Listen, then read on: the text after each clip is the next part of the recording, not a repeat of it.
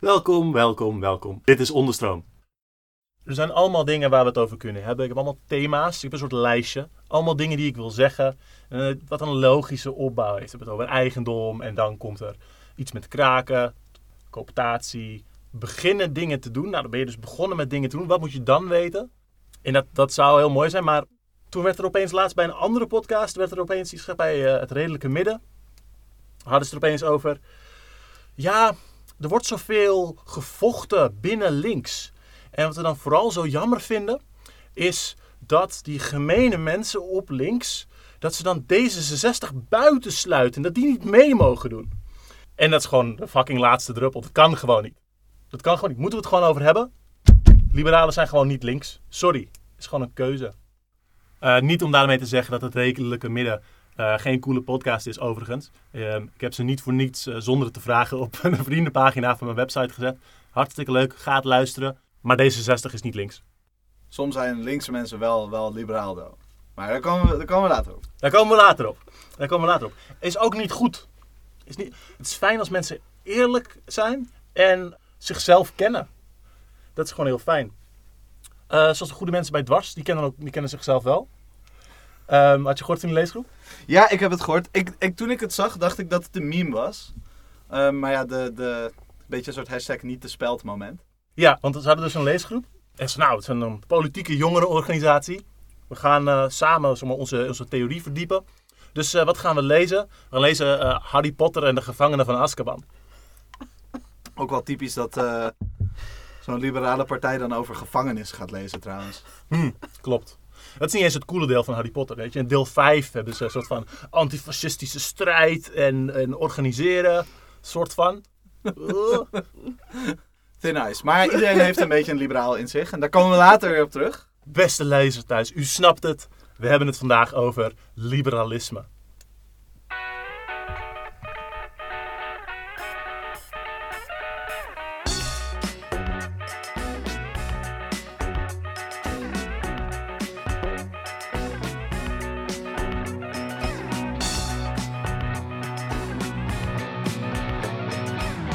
Dus ja, we gaan het hebben over liberalisme.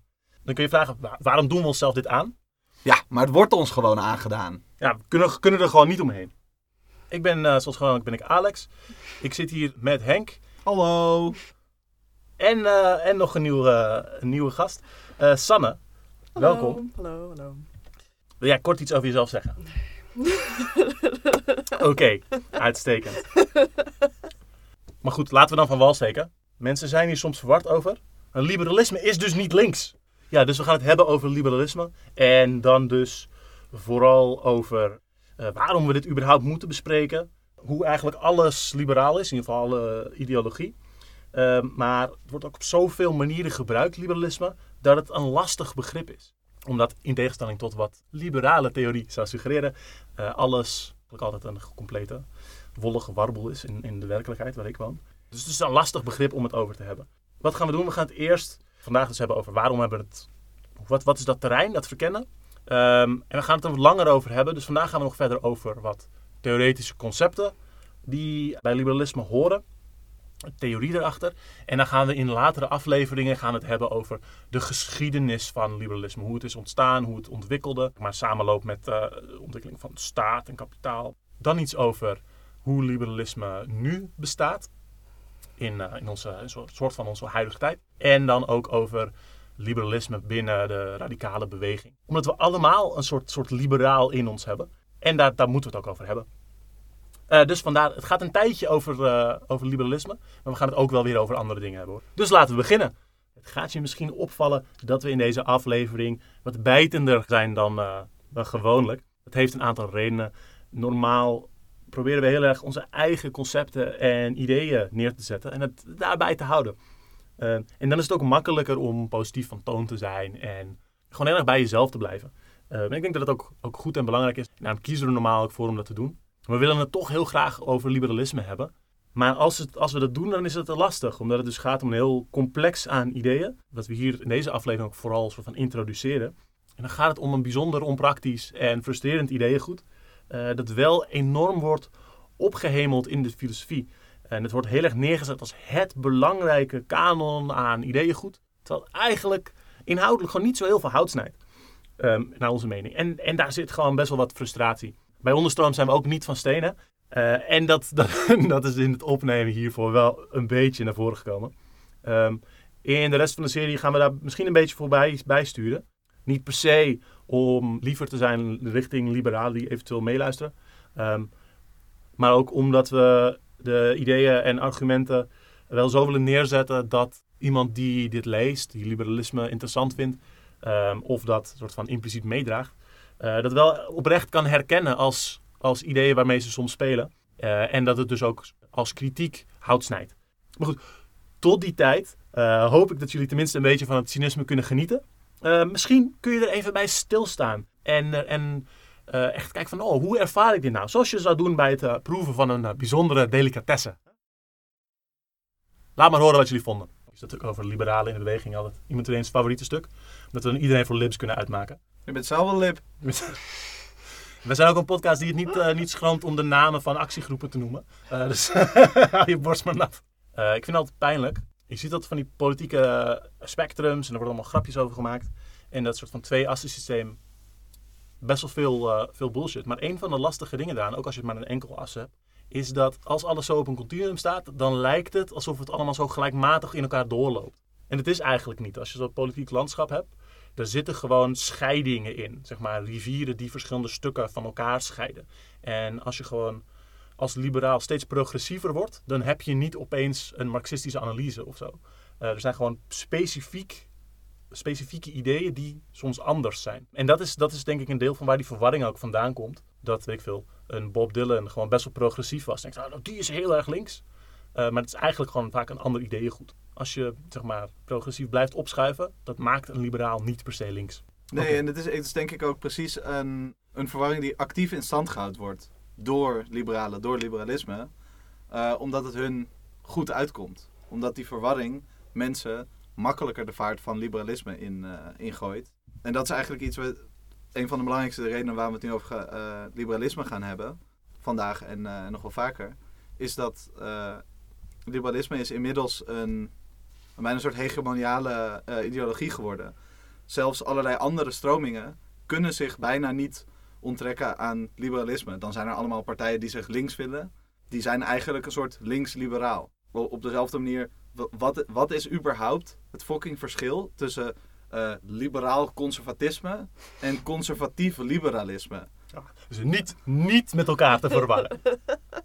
Voor, voor wie echt wil lachen, eh, moet even naar de Wikipedia van liberalisme gaan en al dit soort dingen aanklikken. Holy shit. Ja, ja we, zijn, we zijn een beetje als eh, vissen in een, in een zee van liberalisme. En het, zit, het zich overal, bevindt zich overal om ons heen. En het is dan ook soms moeilijk om, om het waar te nemen, om te zien dat het er is. En om door te hebben dat, dat er zoveel vuil zo in die zee zo om ons heen eh, beweegt. En dat het, en dat, dat, dat, dat vieze gore plastic ook helemaal in onze maag zit. Dat we het eh, tot, tot ons hebben genomen. Dat het een deel van ons... eh het is eigenlijk ook een deel van zeg maar, Mark Fisher's capitalist realism. Eh, dat gevoel dat er geen alternatief is. eh, omdat, eh, omdat we zo in dat liberalisme zitten. En maar, de, de andere theorieën die er dan zijn. Ja, ook deels uitgewist worden. Het is grappig dat rechts speelt er ook in mee. Wanneer zij bijvoorbeeld dingen als eh, GroenLinks als heel extreem links willen neerzetten. Maar zolang er niet een heel vocaal verder links is, dan komen ze daar enigszins mee weg. En dat verschuift ook dat Overton-raam weer verder. Ja, omdat basically alles een vorm van liberalisme is, zijn mensen ook niet gewend daar buiten te denken. Dus je hebt allerlei liberale en ook parlementaire kaders waarbinnen het heel moeilijk is of juist onmogelijk is om echt vergaande eh, verandering te bewerkstelligen. Je blijft hangen in een soort kapitalistisch staatsgeoriënteerd framework. Ja, dat is ook een probleem voor radicaal buiten parlementair links, want zij, dat zijn juist dingen die je wil, die veranderingen. En als mensen niet buiten deze kaders kunnen denken, kan je ook heel moeilijk eh, eh, ja, vertellen wat je wil en hoe je dat wil. En eh, ook omdat het zo alomtegenwoordig is, dat binnen de beweging heel veel liberalisme hebt, stiekem. Of niet zo stiekem. Het is best wel moeite om jezelf er of, en, en, en elkaar ervan soort van los te breken om andere kaders samen neer te zetten. En hoe leuk het dan ook is om elkaar de hele dag door libs te noemen, is het wel fijn om dan het er wat dieper over te hebben in plaats van alleen maar een soort van eh steek in elkaar zij te, Ja. te doen. Dat je elkaar een beetje helpt van je innerlijke lib. Ook een soort bevrijding. Positieve, ja, precies. Kill the lib in your head. Ja, want wat ik zelf ook lastig vind, en ik weet, ik weet niet of jullie dat ook zo hebben, dat het woord liberalisme wordt ook op zoveel manieren gebruikt. Zeg maar, sommige mensen noemen zich een liberaal. Andere mensen zijn het gewoon, maar weten het misschien niet. Eh, je weet wie je bent. Ehm, Maar het schijnbaar dus niet, hè? Je weet niet wie je bent. Oeh. Eh, maar je hebt natuurlijk ook zeg maar, dingen als een liberaal systeem en zo. Sommige mensen zijn gewoon libs. Weet je, zeg maar, de, de, eh, volgens mij was het Freud die zei: de menselijke psyche bestaat uit een aantal onderdelen. En je hebt natuurlijk het, het ego. En je hebt je, zeg maar, het, het, het, superego, dat je zeg maar, dat er bovenuit zegt en een soort van controle op probeert te houden. En dan heb je van, van binnen heb je zo iets zeg maar, dat, dat zo opborrelt en zo van bijna oncontroleerbaar naar buiten komt. Een soort van eh, eh, de lib, als het ware. En die heeft allerlei driften die het eh, naar buiten zet, eh, die het onmogelijk maakt om iets constru- constructiefs te doen. Ja, zeg maar, de, het verhaal van menselijke vooruitgang is eigenlijk het verhaal van de worsteling tegen de innerlijke lib. ja, welke vormen van liberalisme zijn er allemaal? Je hebt dus, dus VVD en D66. De mensen die zich liberaal vinden. Dus dat is zeg maar continentaal liberaal, als soort van vrije marktideologie, soort van, ja. Ik denk die vrij puur ook tegen de theoretici. Ik, ik, de- ik denk dat je daar best wel eh, twee verschillende dingen in kan hebben. Inderdaad, zeg maar, voor van het Europese idee van liberalen. Zeg maar, de, de, de, de vaak liberale partijen, die vaak ook zichzelf liberale partijen vinden en zich zo noemen. En een beetje meer het eh, anglo-saxische eh, wereld liberal, wat eigenlijk veel liberaler gebruikt wordt. Ehm, en, Apply liberally. en eh, op veel meer dingen van, van toepassing is. En in de, in, vooral in de, in de VS en Canada heb je een veel diffuser idee over wat liberals zijn. Waarin het eh, ook steeds dichterbij komt bij hoe tegenwoordig dingen als libs binnen de beweging en zo gebruikt worden. Dat is, dat is een heel groot verschil. Dus, maar eigenlijk die, die term is een beetje overkomen vliegen, denk ik. eh, doordat we altijd naar de VS kijken, helaas. Die zijn we hier ook meer gaan gebruiken. En daardoor zijn die termen een beetje naast elkaar gaan eh, bestaan. En het was al verwarrend genoeg daarvoor. Want daarvoor heb je ook nog liberalisme, een soort van filosofie en theorie die op zichzelf al extreem verwarrend en diffuus en ja, niet coherent is. Het is eigenlijk, ik- ik zeg altijd, het is meer een soort van verzameling gelegenheidsargumenten. Ja, ja, ja. Het is, het is het ene moment dit en het andere moment is het dat. Wha- Whatever the fuck het beste uitkomt. Eh, en dat is eigenlijk een soort defining aspect van liberalisme. Maar daarnaast heb je ook inderdaad liberalen. Zijn dat dan de lips uit de beweging? Zijn dat dan VVD'ers? Zijn die exact hetzelfde? Oeh. Ja, ja, pas op voor de hete takes hoor. Spicy, ja. Hete takes kun je mailen naar eh alex.onderstroom.red. Nooit Henk mailen. Ja, en je hebt dus ook, om het nog lekker verwarrender te maken, dingen als de liberale rechtsstaat of de, de liberale democratie. Eh, dus dan liberalisme als een structuur waarin we leven. Eh, tot het punt dat het als begrip een beetje gaat aanschurken tegen het begrip voor kapitalisme überhaupt. Ja, ik denk dat het voor, voor luisteraars gewoon heel handig is. En we zijn eigenlijk al met het eerste gedeelte begonnen. Maar eh, het eerste gedeelte is uitleggen dat het zo diffuus is. Maar om die onderscheid aan te houden van een soort van theorie en filosofie. Eh, en dan daarnaast eh, geschiedenis. Daarnaast het huidige eh, manier van liberalisme. En daarna het idee van liberalisme binnen de beweging. Om daarin de verschillende eigenschappen soort van te sorteren. Om te kijken wat dan die, die hydra aan gevaren van liberalisme, welke van de gevaren het meest in, in welk vakje past. Omdat je het dan ook beter leert herkennen als je het tegenkomt. En dat is eigenlijk een van de belangrijkste redenen waarom we deze podcast ook Mhm. doen over liberalisme, is om, zodat we dit kunnen herkennen. Maar je bedoelt eigenlijk ook dat het... Het enige wat het allemaal gemeen heeft is dat het status quo is. Kun je dat zo samenvatten, denk je? Of is dat... eh, Ja, ik denk dat het wel goed is. Ja. Het, het is een, en de- daar zou ik wel meer, meer op in willen gaan als we wat, wat uitgebreider op de geschiedenis ingaan. Maar ik denk dat liberalisme heeft vrij kort bestaan als niet-regerende ideologie. mhm. Is toen een, een langere periode ingaan van bijna wel, soort van. En hoe lang al zitten we niet in een periode dat eigenlijk gewoon de dominante ideologie van heersende partijen, tenminste in het Westen, eh, liberalisme is. Het is gewoon... Sindsdien zijn ze gewoon alleen maar de status quo aan het verdedigen. Dat Ja. is Mhm. hun hele aard geworden. Ja, ja. ja, want het was ook, het was ooit, zeg maar, liberalisme een, een soort revolutionair ding. Eh, Staatsgrepen, revoluties, de Franse revolutie, et cetera. Ehm, en dat er ook heel veel arme mensen dingen mee deden.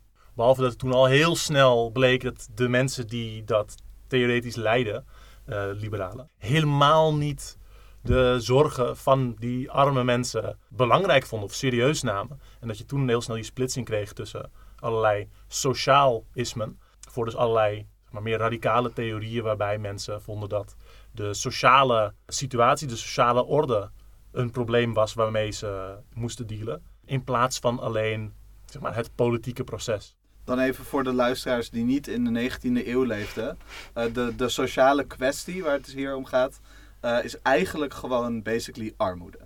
Ja, ja, ja. Eh, dit ja. is gewoon letterlijk economie en verschrikkelijk eh, armoede onder hongersnoden en, en industriële revolutie. En daarnaast staat dus de, de politieke kwestie, zoals die altijd ge- ge- genoemd wordt. En dat gaat alleen maar over dingen als kiesrechten en vrijheid van meningsuiting. Er zijn veel abstractere dingen die helemaal eh, die veel minder te maken hebben met de dagelijkse levens eh, van mensen, vooral de mensen aan de bodem van de samenleving. En die dus ook vaak minder interessant gevonden werden door mensen die geen brood op tafel hadden. Heel gek. Ja, ja. ja en dat, dat is een thema dat we vaak gaan zien dat, dat er op links meerdere thema's belangrijk worden gevonden. En dat liberalen heel specifiek bepaalde thema's daarvan wegzetten en zichzelf dan genuanceerder vinden. En dan gaat het vooral om materiële en structurele kwesties. Even kijken. Sanne, wat was dat andere ding waar jij mee zat? Ehm,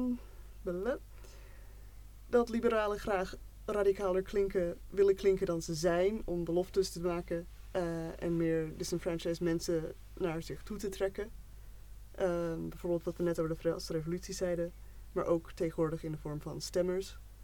Ehm, zoals bijvoorbeeld de campagne van Bernie Sanders, dat dat ook heel, heel radicaal uitzag een tijdje. Ehm, dat heel veel, heel veel grassroots beweging daadwerkelijk omheen ontstond. En hoezeer dat toen helemaal ingeklapt is. En Sanders eigenlijk iedereen voor de bus gegooid heeft, of ze dat beseffen of niet. Het is eigenlijk een soort, soort poging om mensen die echte problemen hebben mee te nemen in zo'n campagne zonder... Ze daadwerkelijk iets te geven, ja. Hmm, Ja, en vol- volgens mij, en dit is een beetje dat ding van die meerkoppige hydra, is dat iemand als Bernie Sanders heeft een, een functie voor de Democratische Partij. Oh, niet, sure. Precies, dus niet, niet alleen Bernie Sanders zelf is, de, eh, is, een, is een dure campagne, dat is 100% waar, maar ook andere, meer conservatieve liberalen hebben er ook weer iets aan, want door te doen alsof Bernie misschien een kans heeft, blijven die misschien bij de Democraten en kunnen ze net nog genoeg mensen bij zich houden. Eh, dus het is, het is dat spectrum dat de hele tijd zo heen en weer ge- geschoven wordt. Maar het blijft wel altijd binnen het veld van liberalisme. Het gaat alleen een beetje zo rechts liberalisme, links liberalisme, Mhm. autoritair liberalisme, liberaal liberalisme. Maar Maar dat ook zo iemand die nog heel duidelijk binnen dat spectrum valt, als heel erg links neergezet kan worden. Ja, precies. Dus het is een lastig beestje. Maar er zijn bepaalde, bepaalde theoretische punten die wel vaak terugkomen. Eh, bepaalde eigenschappen in, in die theorie. En dat is, dus gaat meer over zeg maar, de theorie van liberalisme, meer dan hoe liberale partijen zich gedragen of zo. Of mensen. Wat is er leuk om mee te beginnen? nou, we hebben nog geen shout-outs gehad. Allereerst even een shout-out naar de Vrije Markt. Eh, Vrije Markt is een, eh, een super radicaal eh, project. Waarbij eh, zogeheten vrije bedrijven, dus arbeiderscoöperaties die eh, zelf eh, producten in eh, direct democratische omstandigheden en in volledig eigen eh, bezit en zelfbeheer eh, produceren. Eh, die worden allemaal verkocht op eh vrijmarkt.org. Ja, had je niet verwacht. Maar dat is een, eh, een eh, radicaal, zeer niet-liberaal project. Eh, Iets op de markt dat wel iets met vrijheid te maken heeft. Ja, het is verfrissend. Hey. De vrijmarkt is eh, denk ik een van de dingen waar mensen heel, veel, heel vaak snel aan denken. En heel vaak naar voren geschoven wordt van ja, de vrijmarkt dit, vrijmarkt dat, bla bla. Het wordt altijd gebruikt om eh belasting, korting te geven aan grote bedrijven. Of ze gewoon überhaupt geen belasting te laten betalen. Maar waar, waar komt het vandaan? Wat zijn zeg maar de, de, de ideeën daar? Eh, de vrije markt is een, eh, ja, het is eigenlijk een soort eh, arena, noemen mensen het wel. Ehm, waar je bepaalde regels in, in hebt en waarin volgens de liberale gedachtegoed losse individuen met elkaar kunnen interacteren. En vervolgens komt daar eh, allemaal goeds uit, zoals innovatie, vrijheid, welvaart en zo. Dat, dat is althans de theorie. Maar in die theorie wordt niet gekeken naar het feit dat dit ook een sociaal terrein is, wat heel erg ingevuld is door de huidige verhoudingen van de mensen die daarin zitten. Ja, want ehm, het, wordt ook de vrije markt genoemd, alsof het iets is dat losstaat van andere dingen. En, en dat, dat is natuurlijk feitelijk gewoon niet, niet zo. Het is een, het is een soort, soort vijver die wordt aangelegd en onderhouden eh, vanuit zeg maar, de overheden en de staat. En het is ook een, een van de terreinen waar de meeste regels over gelden. En waar zeg maar, het hardste eh, die regels worden aangehouden. In ieder geval vooral wanneer het eh, de, de grote, belangrijke, rijke bedrijven en partners aangaat. En de, de, de, zeg maar, naast dat die regels heel selectief gehandhaafd worden, eh, veranderen ze ook steeds. Ze zijn ook steeds in ontwikkeling. Eh, er is niet één eh, de vrije markt. Er zijn allerlei marktomstandigheden en die zijn constant in flux. Ehm, en het is ook omdat er, er bestaat natuurlijk sociaal geen, geen stilstand. Ehm, en die verandering die wordt geïnformeerd door wie daar invloed op hebben. Grote bedrijven, aandeelhouders, rijke mensen, conservatieve bewegingen, liberale bewegingen. Eh, die proberen daar constant een, een aan te geven die hen steeds beter uitkomt. Waardoor eh, steeds, steeds meer grip krijgen op die regels en die regels steeds meer in het voordeel zijn van grote bedrijven. Ja, en ik denk dat ook, eh, om een heel concreet voorbeeld te geven, heel veel dingen die door lobbygroepen be- bewerkstelligd worden van, van grote bedrijven, van, van grote sectoren, worden verdedigd alsof dat ook deel is van de vrije markt. Want binnen de vrije markt kan je natuurlijk ook lobbyen voor regels. Maar heel veel van die regels gaan gewoon eh, concurrentie eh, en, en andere principes die de vrije markt zogenaamd zou moeten hebben, eh, gaan die direct tegen. Ik, ik sprak laatst iemand die werkte als ZZP'er in de bouw. Die vertelde dat hij heel graag een soort leeropleiding wil doen voor, voor nieuwe mensen die daarin werken. Ehm, maar je kan dus in de bouw stagiaires niet betalen, omdat dat illegaal is. Eh, en dat wordt door de grote eh, bouwbedrijven wordt dat afgedwongen. Eh, omdat als... zij kunnen natuurlijk zelf bepalen of zij stagiairs betalen of niet. Maar als andere mensen stagiairs gaan beginnen te betalen, dan is het hek van de dam en dan zullen zij ook moeten. Of iedereen loopt bij hun weg. Dus zij houden dat op slot en zij, zij verbieden het iedereen. Wat eigenlijk tegen hun eigen idee van de, van de vrije markt ingaat. Maar ja, het komt toevallig de grote bedrijven uit, dus dan houden we het even zo. Ja, ja, ja. En bedrijven zijn op zichzelf natuurlijk al onvrije dictaturen waar mensen werken en het grootste gedeelte van hun wakkere levens besteden in een situatie waar zij zelf vrijwel niets te zeggen hebben over wat er gebeurt ehm, en hoe de, hoe de zaken geregeld worden.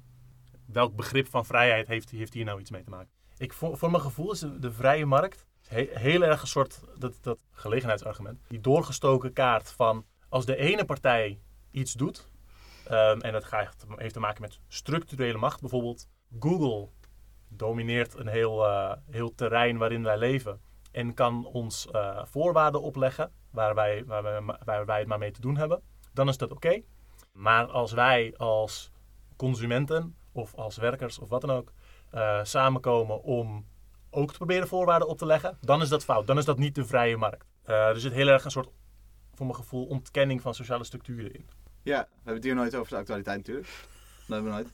Ehm, dus ik ga gewoon een heel algemeen voorbeeld gebruiken. Dus bijvoorbeeld, stel je hebt zeg maar de, de aandelenmarkt en mensen verhandelen daar dingen op. Dan is dat de vrije markt.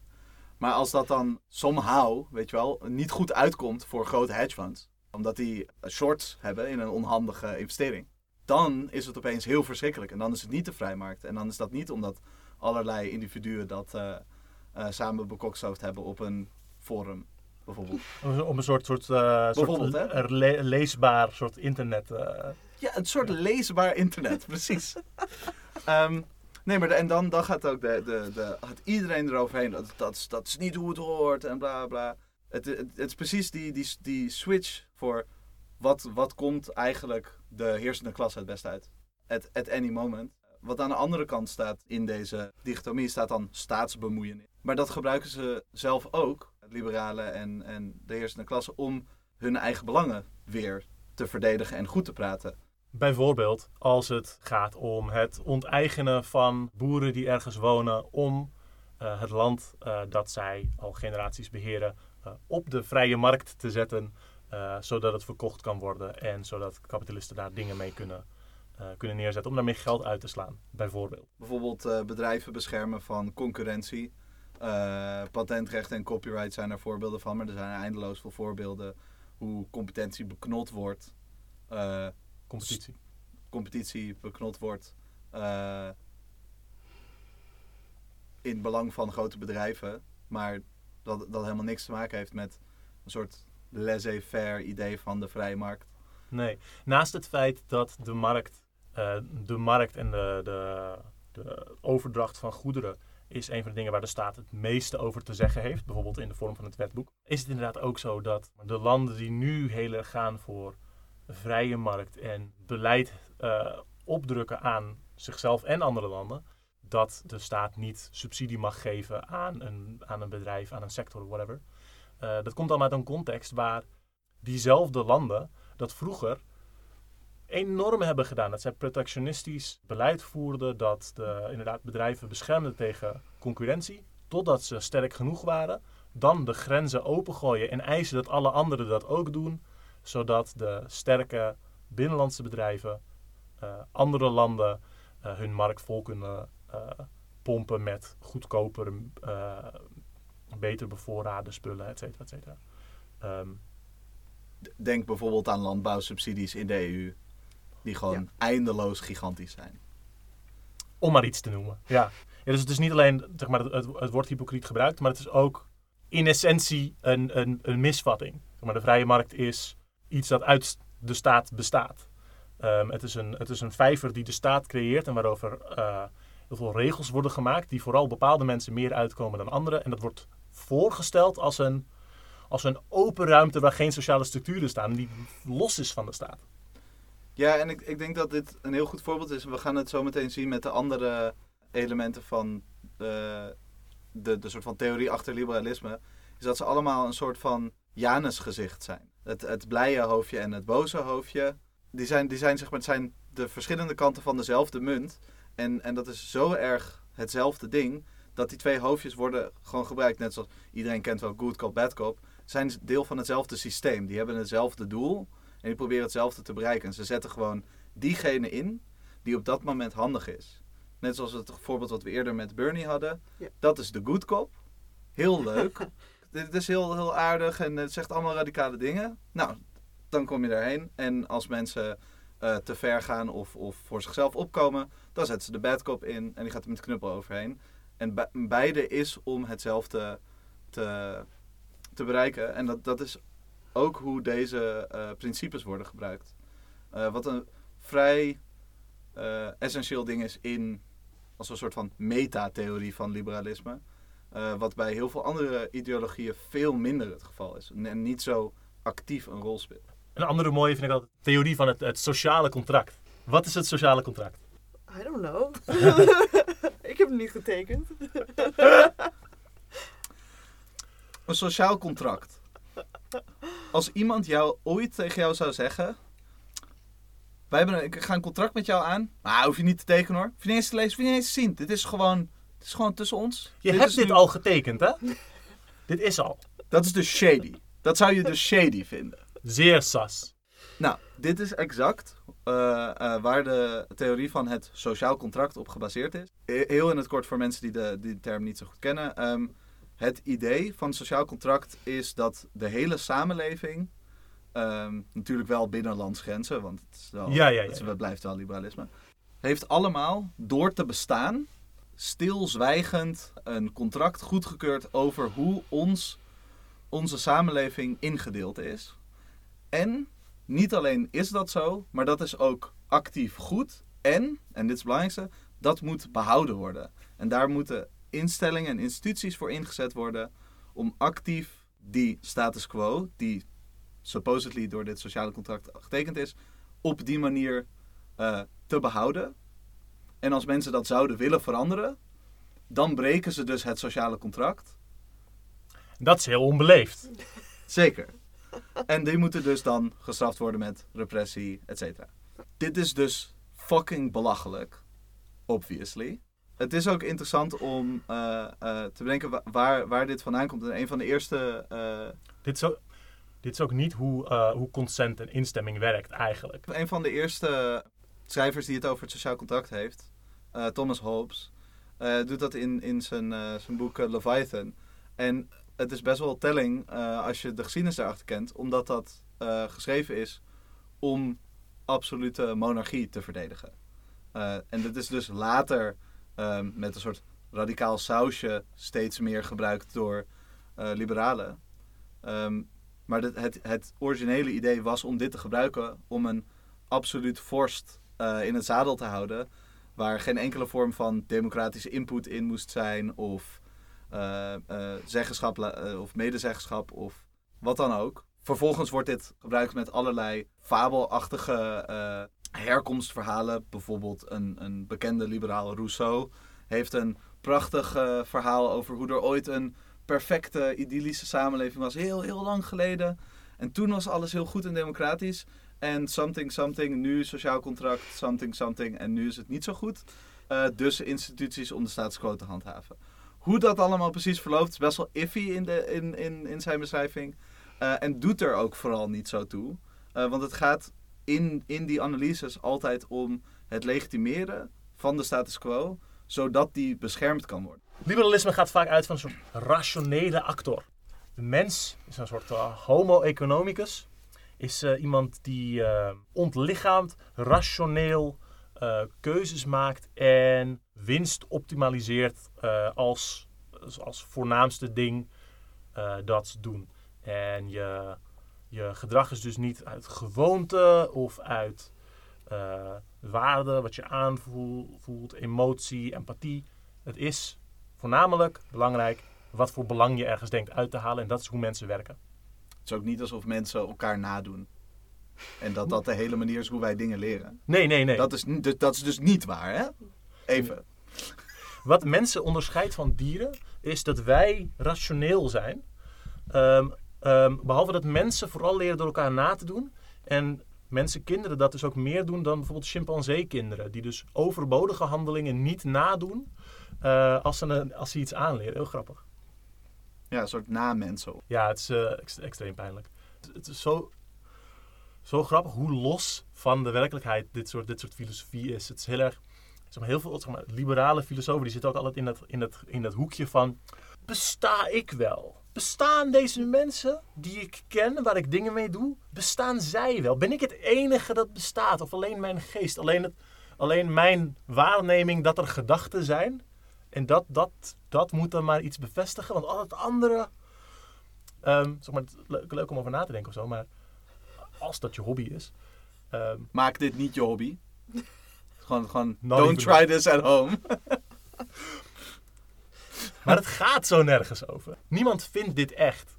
Ehm, als je zegt van, nou ja, als ik, als ik hierover nadenk, dan vind ik dat eigenlijk wel heel sterk. Ja, oké, maar wat als jij dagelijks dingen doet? Hoe opereer je dan? Hoe werkt dat? Heeft daar niets mee te maken. Het is gewoon, het gaat compleet langs elkaar heen. In mijn eerste aflevering heb ik een eh, monoloog gehouden over eh, privé-eigendom. Dat is dus een liberale waarde. Ik hoorde dus laatst dat er, ehm hoe het, life, liberty and the pursuit of happiness dat dat een moderne edit is. Ja, dat is, dat is dus het zinnetje dat iedereen kent van eh, Hollywoodfilms, eh, natuurlijk. Maar het- dat komt uit... eh, eh, De onafhankelijkheidsverklaring. Oké, Van de, van de Verenigde Staten. daar, daar staat dat zinnetje in. The right of Life. liberty and the pursuit of happiness. Ja, maar toen wij een beetje onderzoek aan het doen waren voor onze eh, podcast... Toen waren we aan het, aan het op wat, eh, wat eh, eh, beruchte liberalen uit het verleden. En er kwam, kwam een John Locke tegen, dat schijnt de, de big daddy of them all te zijn. En ehm, eh, die, die heeft dus een zinnetje wat daar heel erg op lijkt. De natural rights zijn the right to life, liberty en, je kan het nu al raden, property. Helaas. Niet de pursuit of happiness, of misschien wel als je het aan liberalen vraagt, maar dat is dus property. Maar het is grappig, het is, het is ook het. het, ehm, wat vond John Locke dan praktisch over property? Want volgens mij was het niet.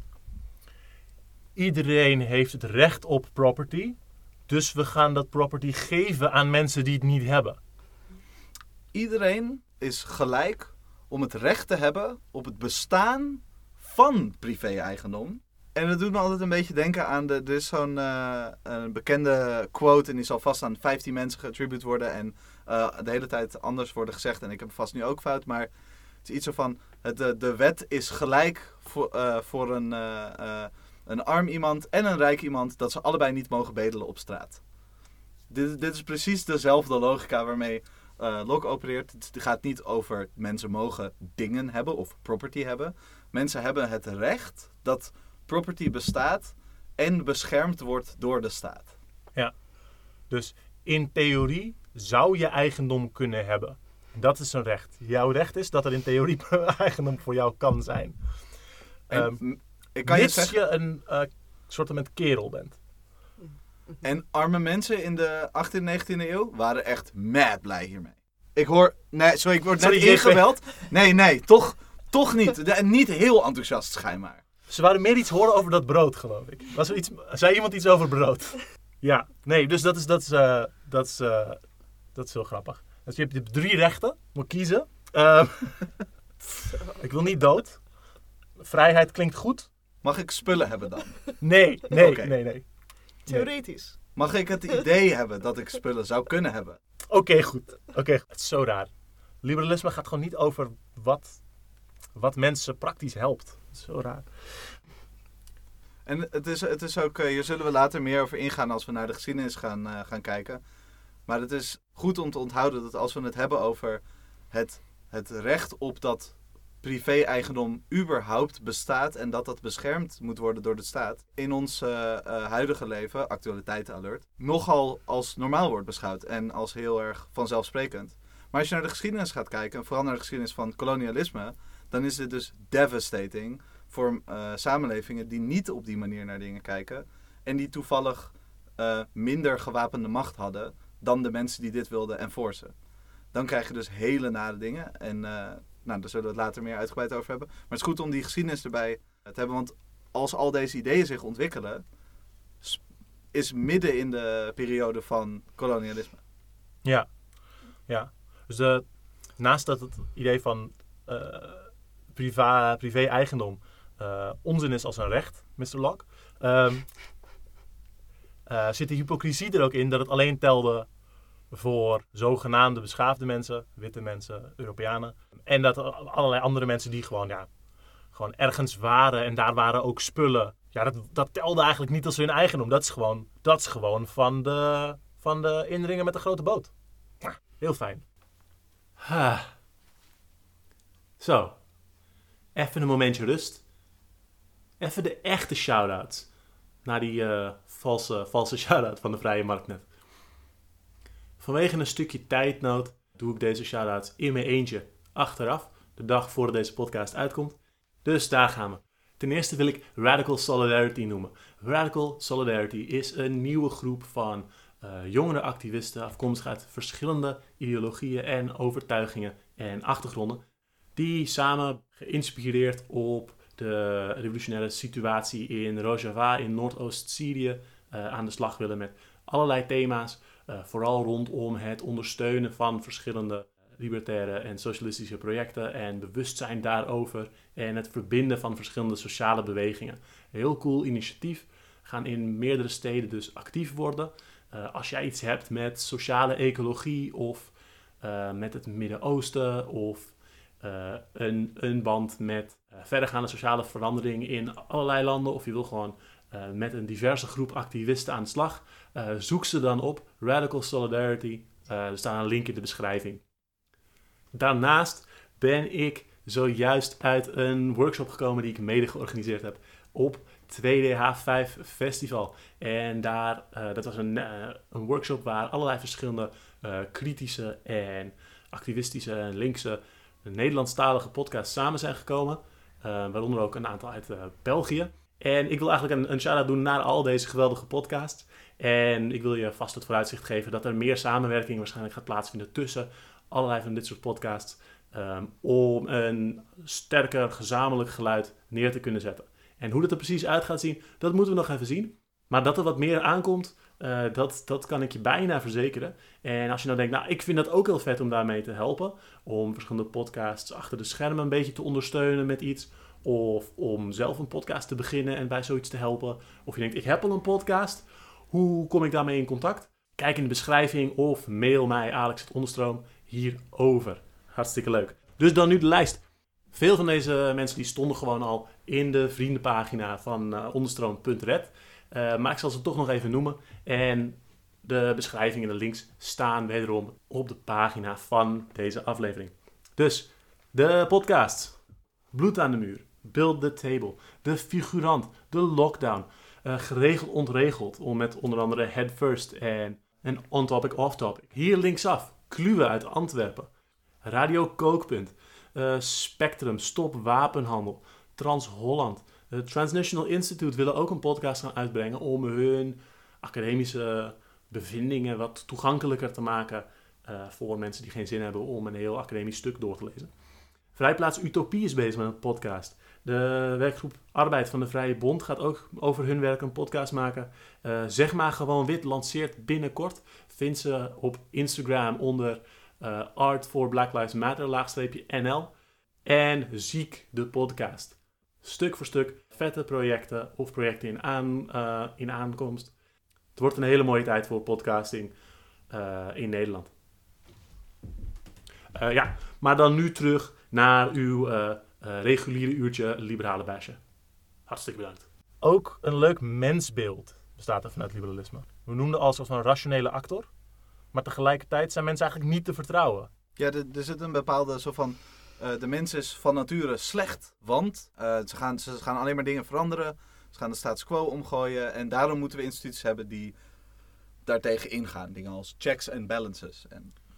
Want als we dat systeem niet zouden hebben, als we niet deze hele dunne deken van beschaving zouden hebben, als we niet dit stropdasje om zouden hebben, zoals wij alle drie nu aan het dragen zijn, um, uh, als niet dat dunne laagje vernis van beschaving er was, dan hadden we allemaal zeg maar, elkaars, tanden in elkaars keel zitten. En dan waren we gewoon elkaar aan het vermoorden hier. Um, direct. De Joker is een liberaal. Um, en dat is heel eng. En dat is, oef, we moeten echt heel erg zorgen dat er een, een grote, grote macht is die ons allemaal in toom houdt. Maar tegelijkertijd wil ik ook zeggen dat uh, de mens van nature goed is. Uh, want daarom moeten ze allemaal samen democratisch beslissen hoe we de dingen besturen. En iedereen heeft daarin evenveel invloed en bepaalt allemaal samen volledig in vrijheid hoe alles werkt. En dat conflicteert niet met dat andere ding. Dat moet je, daar moet je nu even niet aan nadenken. Nee, nee, nee. En wanneer mensen gewoon hun eigen belang nastreven, dan komt daar de beste uitkomst uit. Want dat En- is de vrije markt. En ik, in eh, eh, alle serieusheid, de, deze twee posities zijn dus exact de twee eh, zoge, zogenaamde tegenstellingen die Rousseau en eh, Hobbes innemen, allebei over het sociaal contract. En die dus voortdurend naast elkaar gebruikt worden. Het is weer die good cop, bad cop, de, het gelegenheidsargument.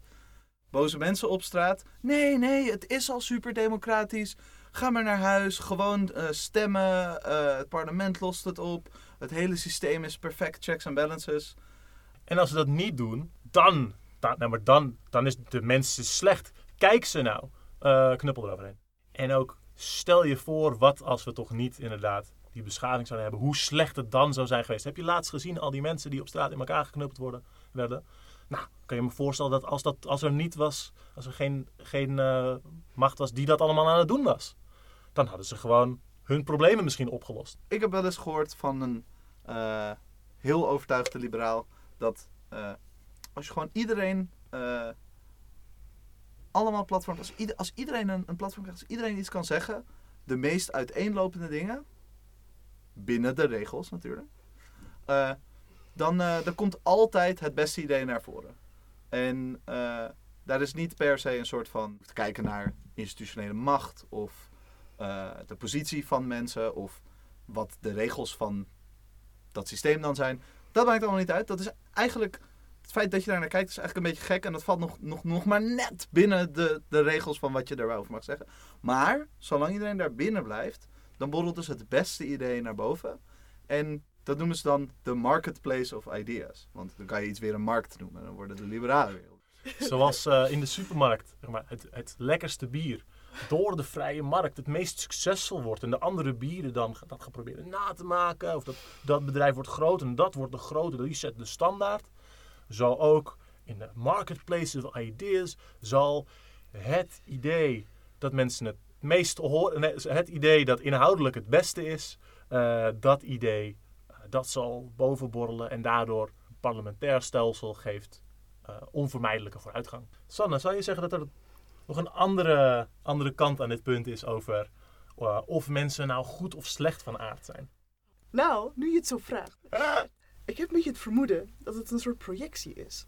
Want hè, je krijgt altijd te horen van hè, als dat vernislaagje weg is, als er een, soort natuurramp zich voordoet, dan gaan mensen zich als beesten gedragen en dan gaan ze elkaar afmaken en plunderen.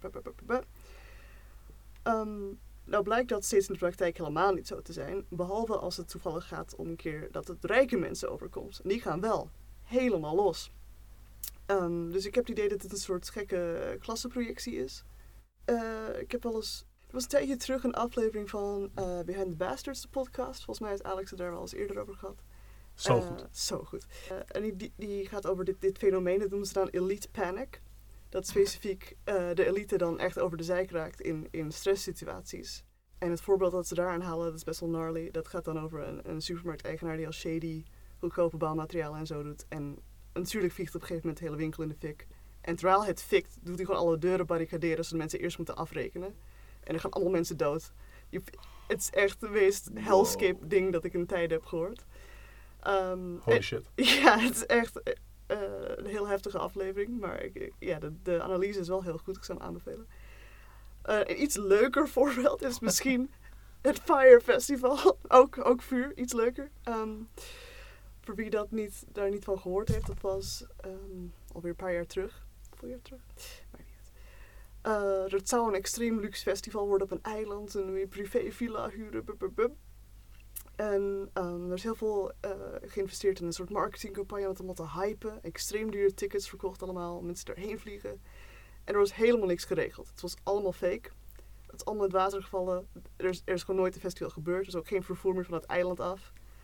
En allemaal spoiled rich kids die boos aan het twitteren waren en eten van elkaar aan het stelen waren en matrassen van elkaar aan het stelen waren. Dat is compleet uit de hand gelopen. Super grappig. Een documentaire over, het heet gewoon Fire met F-Y-R-E. En dat is zeker de moeite waard. Het was ook echt van men- mensen die dan een, een tent niet wilden delen met anderen, terwijl die mensen gewoon buiten sliepen in de regen en zo. Maar dan ook van, als ik niet in die tent mag slapen, dan maak ik hem kapot. Ja, mensen die ook echt op matrassen gingen pissen om gewoon het voor anderen ook te verpesten. Schitterend. Er- Er zijn zelfs reddingdiensten heen gegaan volgens mij.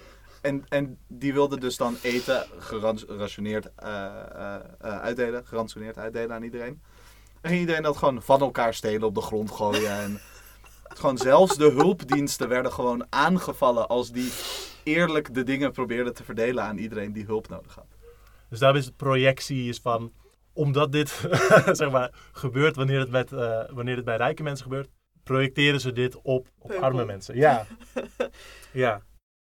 Terwijl je bij, heel vaak juist ziet bij, bij rampen die veel arme mensen raken, dat je dan juist dingen een soort van disaster communism krijgt. Zoals bij eh, de New Orleans ramp. ehm, met die her, eh, orkaan Katrina. Katrina. Ehm, dat er allemaal mensen gewoon lokale wederzijdse hulpgroepen opzetten. Eigen soort van ziekenhuisjes gingen bouwen. En elkaar gingen, gingen helpen andere dingen op te zetten. Gigantische drijvende vlotten om elkaar te helpen.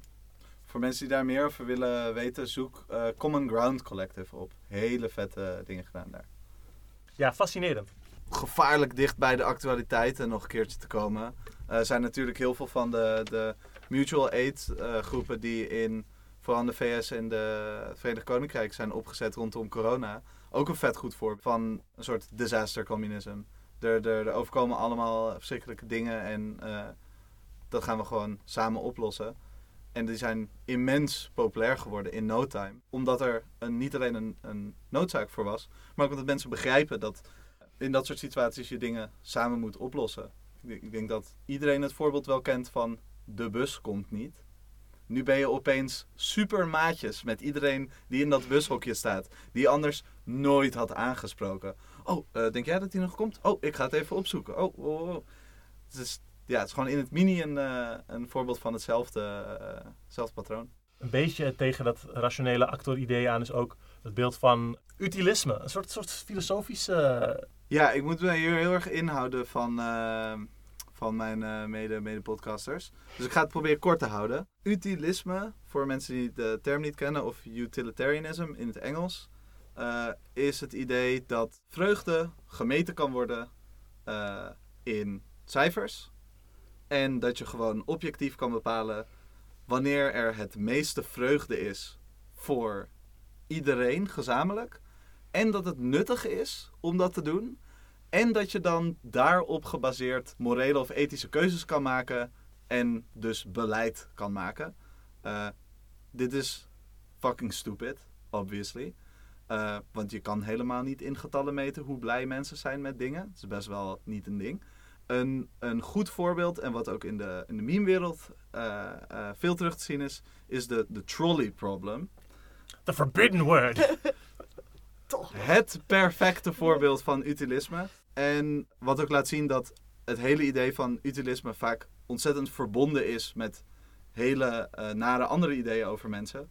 Eh, omdat het gewoon een bepaalde waarde aan dingen uitdrukt. En die waarde heeft natuurlijk veel meer te maken met wat degene die dit opschrijft of naar iets kijkt zelf denkt dan eh, wat die waarde echt is. En dat is te herkennen in een van de allervroegste ehm, voorbeelden van trolley problem. Een manier om utilisme aan te, eh, te bewijzen. Waarin, trolley problem trouwens voor de mensen die het niet kennen. ehm, er, er komt een, een trolley aan, een trein. En er zijn twee treintracks. En je moet hem naar één van de twee laten rijden. En op de ene ligt dit aantal mensen eh, dat, dat er dan eh, door overreden wordt. En op die andere dat andere groepje mensen. En dan is er dus een verschil aan te duiden tussen de waarde van die mensen, waardoor één van de opties beter is. Eh, en een van de vroegste voorbeelden van trolley problem is eh, eh, dikke en niet dikke mensen. En dikke mensen hebben een minder grote vreugde in hun leven. Al dus de auteur van deze fantastische filosofische werk. Dus, dus is het beter om die dood te laten gaan. Nou, dat is dus zoals ik zei, fucking stupid en heel naar. En gelukkig is er al in no time is dit ook compleet weerlegd, omdat iemand de briljante comeback had geschreven met een trolley problem, waar iemand op zei, aan de ene kant alles wat belangrijk is aan de wereld, alle goede mensen, alles bla. En aan de andere kant eh, je moeder. Eh, en dat is, dat is natuurlijk gewoon obvious. Dan kan je geen rationele beslissing maken. Dan kan je niet zeggen het ene is meer of minder waard. En eh, dingen zijn dus subjectief soms. Wow. Ehm, ja, heftig. maar dit is, dit is een vaak minder uitgesproken onderdeel van eh, eh, liberalisme. Mensen hebben het hier niet expliciet over, maar dit zijn dingen die fundamenteel zijn aan het hele gedachtegoed van liberalisme en die er een klein beetje eh, tussendoor schemeren. Er zijn heel veel bekende soort van one-liners en, en argumenten die, die liberalen aanhalen, die heel erg spelen met dit idee van als de meeste mensen maar gelukkig zijn, of als het, het grootste geluk, haalbare geluk bereikt wordt, eh, daar moeten we voor gaan. En ja, jammer dan als die ene groep die toch al in de minderheid was, dan maar minder gelukkig is. Hm. Eh, Dat zit ook een beetje tegen dat universalisme aan, dat je, dat je soms wel tegenkomt. Eh, dat dus uitgaat dat de, de waarde inderdaad van dingen dus vaststaat. En het is voor iedereen hetzelfde en rationeel. Ja, en ik- denk dat dat, eh, dat universalisme echt heel erg ook te koppelen is aan bijvoorbeeld de term als realisme. Het heel erg dicht bij elkaar in de buurt komt. Dat het realisme ook een beetje gestoeld is op dat universalisme van alles is hetzelfde. Er is gewoon één objectieve werkelijkheid die voor iedereen hetzelfde is. Maakt niet uit welke eh, gender je hebt, welke eh, eh, afkomst je hebt, wat jouw geleefde ervaring is. Voor iedereen is de wereld op exact alle manieren hetzelfde. Interessante claims, want, en daar zullen we ook bij de geschiedenis wat dieper op ingaan. Dit zijn dingen die universeel voor iedereen gelden. En hier komt dan de asterix naar de gigantische voetnoot. Ehm, eigenlijk alleen maar voor hoogopgeleid, rijke, witte mannen. Die normaal doen. Dus ehm, eh, die dingen zijn natuurlijk helemaal niet universeel. En die dingen zijn eh, niet perfect realistisch ten, ten opzichte van alle andere dingen die niet realistisch zijn. Ook iets wat je liberalen heel vaak hoort zeggen. Oh, dat is niet realistisch genoeg. Waarvan ze vaak bedoelen, het is niet haalbaar genoeg of het is te anders dan wat we nu doen. Maar het is niet realistisch vanuit een bepaald eh, spectrum. Vanuit het spectrum van status quo, vanuit de heersende klasse. En eh, ja, dat is net, net zoals dat utilisme, net zoals universalisme, is realisme heel erg ingebakken. Vaak in een minder uitgesproken manier in het liberalisme. Ik is bijna vergeten hem erbij te zetten.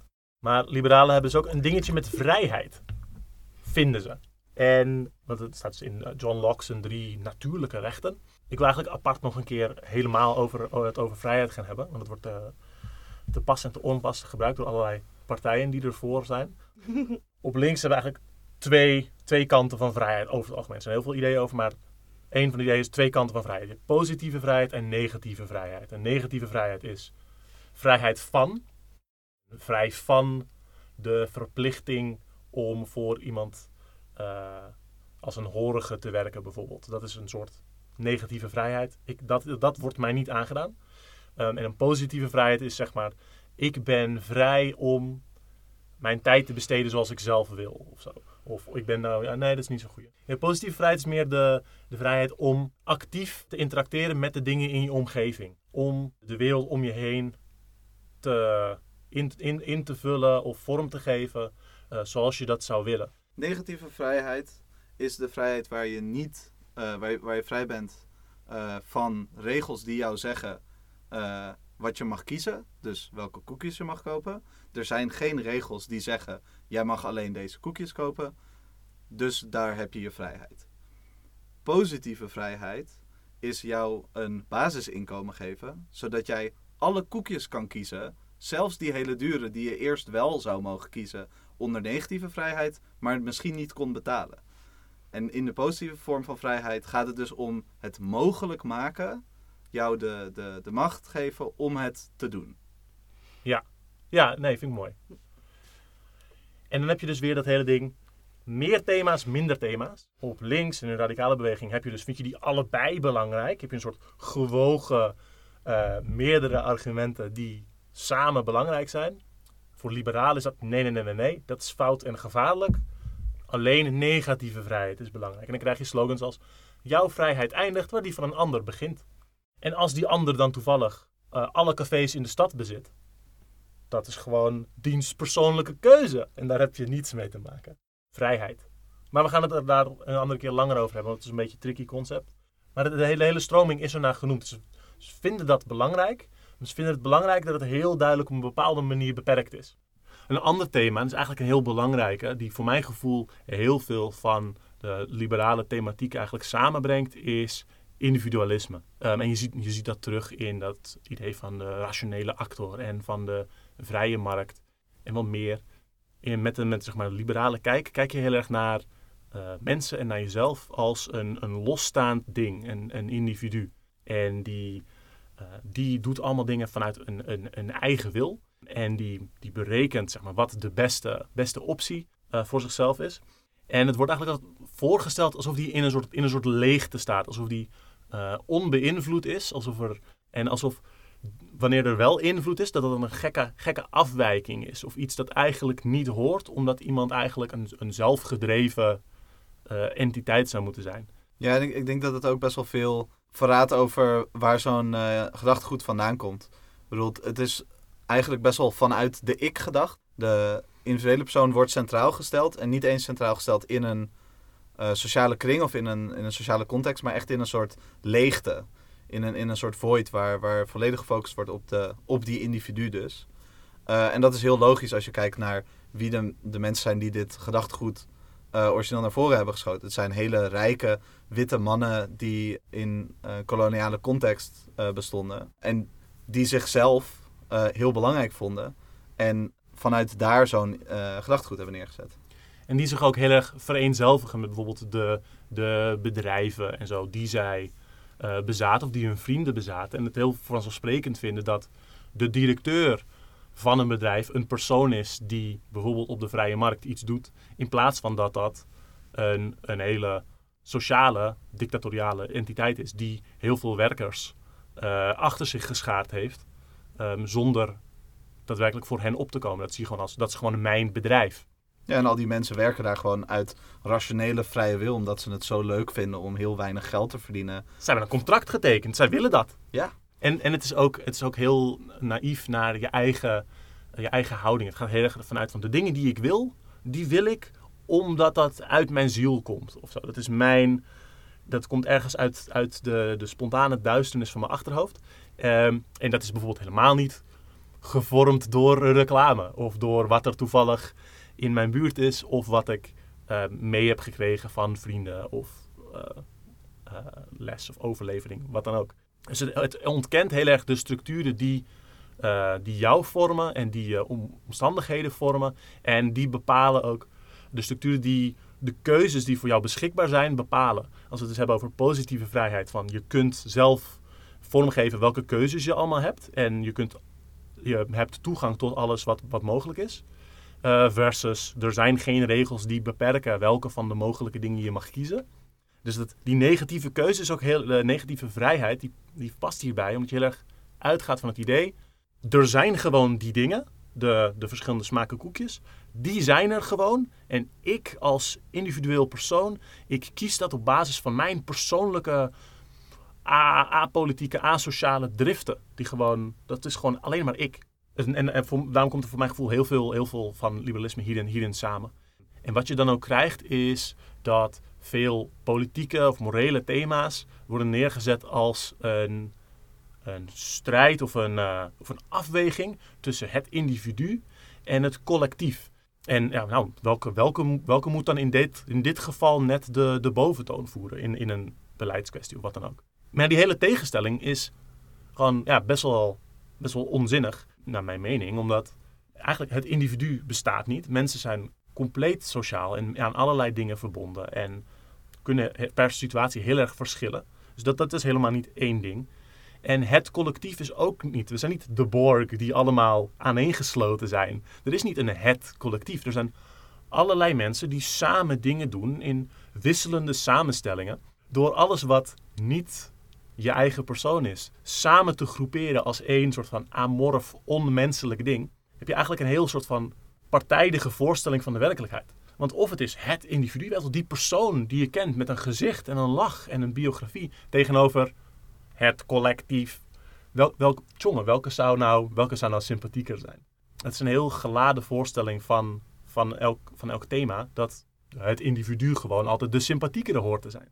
En er komt ook nog bij dat als het dan eh, bijvoorbeeld om weet ik veel, iets in de actualiteit gaat, de mensen die wij geneigd zijn als een individu te zien, dat zijn dan ook de mensen met een talkshow en de mensen die in een magazine te, eh, eh, te zien zijn of die op Prinsjesdag eh, mogen verschijnen op tv. Terwijl de mensen die gedwongen zijn om samen dingen te regelen en die niet zo bekend zijn, dat is veel makkelijker om die gewoon weg te zetten als het collectief. En die zijn allemaal hetzelfde. Ehm, zoals je ook maar, met de racisme-thema's ook hebt. Van, oh, mensen die er zo uitzien, die zie ik allemaal als hetzelfde. En die, die horen allemaal zo bij elkaar, terwijl ik zo'n los individu ben. En mensen van mijn groep, die, die doen dat helemaal niet. Ja, het is überhaupt wat je al zegt qua, qua zeg maar, wie zien we als de individuen. Eh, je noemt een, op, op een bepaalde manier eh, voorbeelden. Maar je kan natuurlijk kijken, wat voor soort mensen zitten daar? Ja, Eh, zijn dat overwegend witte of niet witte mensen? Zijn dat overwegend mannen of niet mannen? Eh, dat is gewoon over, overwegend, eh, uitzonderingen daar gelaten, zijn dat altijd rijke witte mannen. Eh, en meestal ook zeer rechts. Hm, ja. Ja, maar kijk, Jort Kelder is gewoon, is gewoon zo'n persoonlijkheid. En het is gewoon, is gewoon leuk. En dan moet je ruimte aanbieden dat hij dat, dat, hij dat kan zijn. Die moet je niet wegstoppen in, in het collectief, weet je. Dat, dan verlies je zoveel aan menselijkheid. Ja, dus dat, dat is zeg maar dat hele ontkennen dat dingen uit sociale structuren bestaan en daar, en daar blind voor zijn. Een heel belangrijk onderdeel van zeg maar, de, de theoretische overerving van, van liberalisme. Je had het over die Januskop. Ja. Hoe werkt dat dan met de grote denkers? De, de Locks, de John Stuart Mills bedoel je?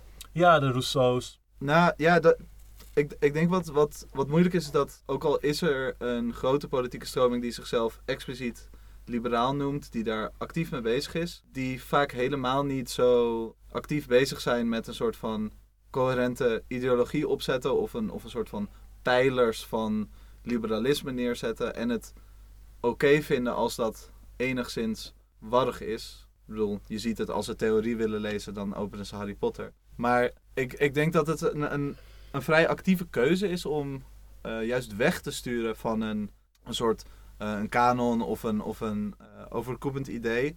En dat is, best interessant als je dat bijvoorbeeld vergelijkt met andere ideologieën, bijvoorbeeld met radicale ideologieën zoals bijvoorbeeld van marxisme, communisme, maar ook anarchisme, dat die op een heel andere manier met hun ideologie omgaan. En sommige orthodox marxisten vaak wat, wat uh, strenger zijn en dan heterodox marxisten dat wat meer loslaten. En binnen het anarchisme het vaak heel erg diffuus en divers is.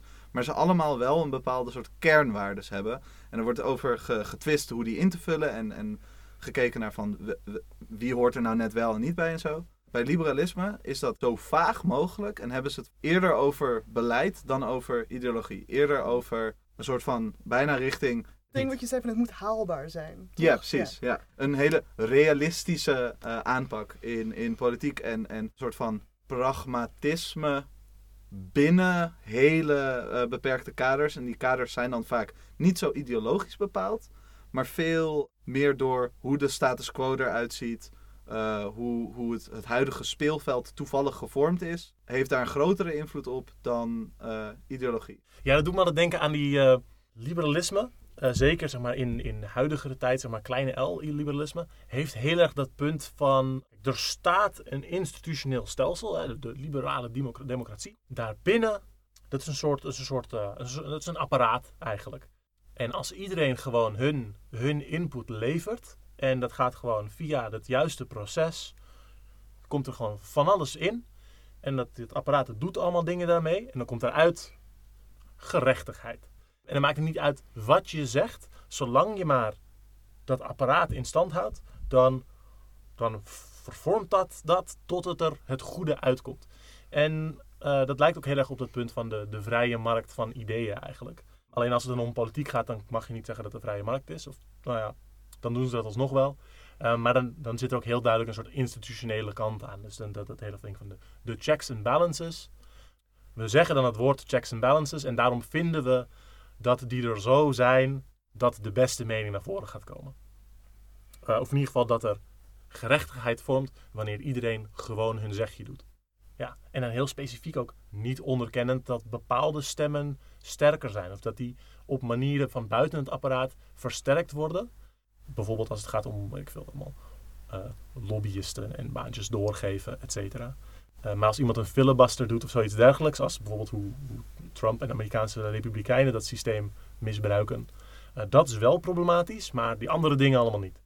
Nou ja, er zijn natuurlijk wel zat liberalen die dat ook problematisch vinden, maar dan niet problematisch genoeg om er structurele veranderingen uit te laten volgen, bijvoorbeeld over hoe grote bedrijven en hoe rijkdom werkt. Um, Shout-out naar de alt-right playbook. Uh, ik heb deze eerder verwezen, maar They Go Low, We Go High is een briljante analyse van, van liberalisme met een, met, een kleine L. Wat ik al zei, je merkt uh, misschien dat, uh, dat we wat, wat snarky zijn vandaag. Dat we wat, wat meer, wat meer vergif en wat, wat frustratie naar boven komt wanneer we het over liberalisme hebben. Omdat het zo groot en overal is. En we eigenlijk niet zo goed snappen um, waarom mensen het interessant vinden. Iets losser gezegd zou je kunnen zeggen dat, um, ja, als je een leugen vaak genoeg herhaalt, wordt het de waarheid. Ik ga nog wel vertellen. Kort gezegd, uh, liberalisme is dus super dom. En, uh, en het is lastig. Uh, maar het zit in ons allemaal en we moeten er wat mee. Dus daar gaan we het de komende tijd wat meer nog over hebben. Help ons ook vooral. Stuur mij al je liptakes, want ik spaar ze. En de, de leukste die gaan we nog, misschien nog terugzien op de Instagram. Ik vond het heel leuk dat jullie er waren. Dus dat liberalisme. We gaan het er in vervolg nog, uh, nog meer over hebben. Onder andere over de geschiedenis ervan, hoe het zich ontwikkeld heeft. Wat zeg maar een beetje de huidige status ervan is. En hoe het ook in de radicale beweging zit en hoe we daarmee proberen te dealen. En dan, dan komen we ook achter jouw actiegroep aan, hè? Want die is ook vet lid. Uh, geen van jullie, niet één van jullie is vrij van liberalisme. Ah, het volk hoorde het en was verbluft van zijn, was verbluft van zijn nieuwe dogma. People hated him because he was right. En jij een lip, en jij een lip. Everybody!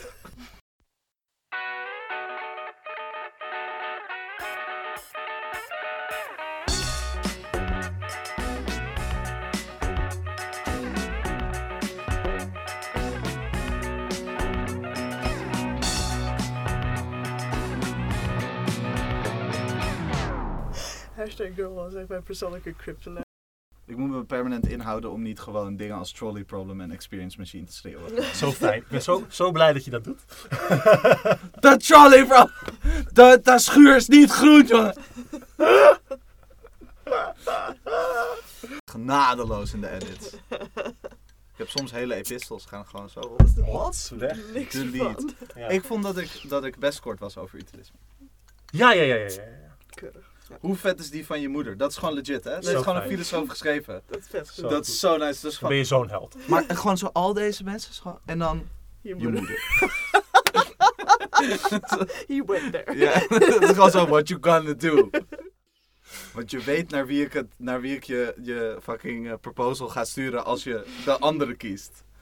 Want dan forward ik die mail gewoon naar je ma.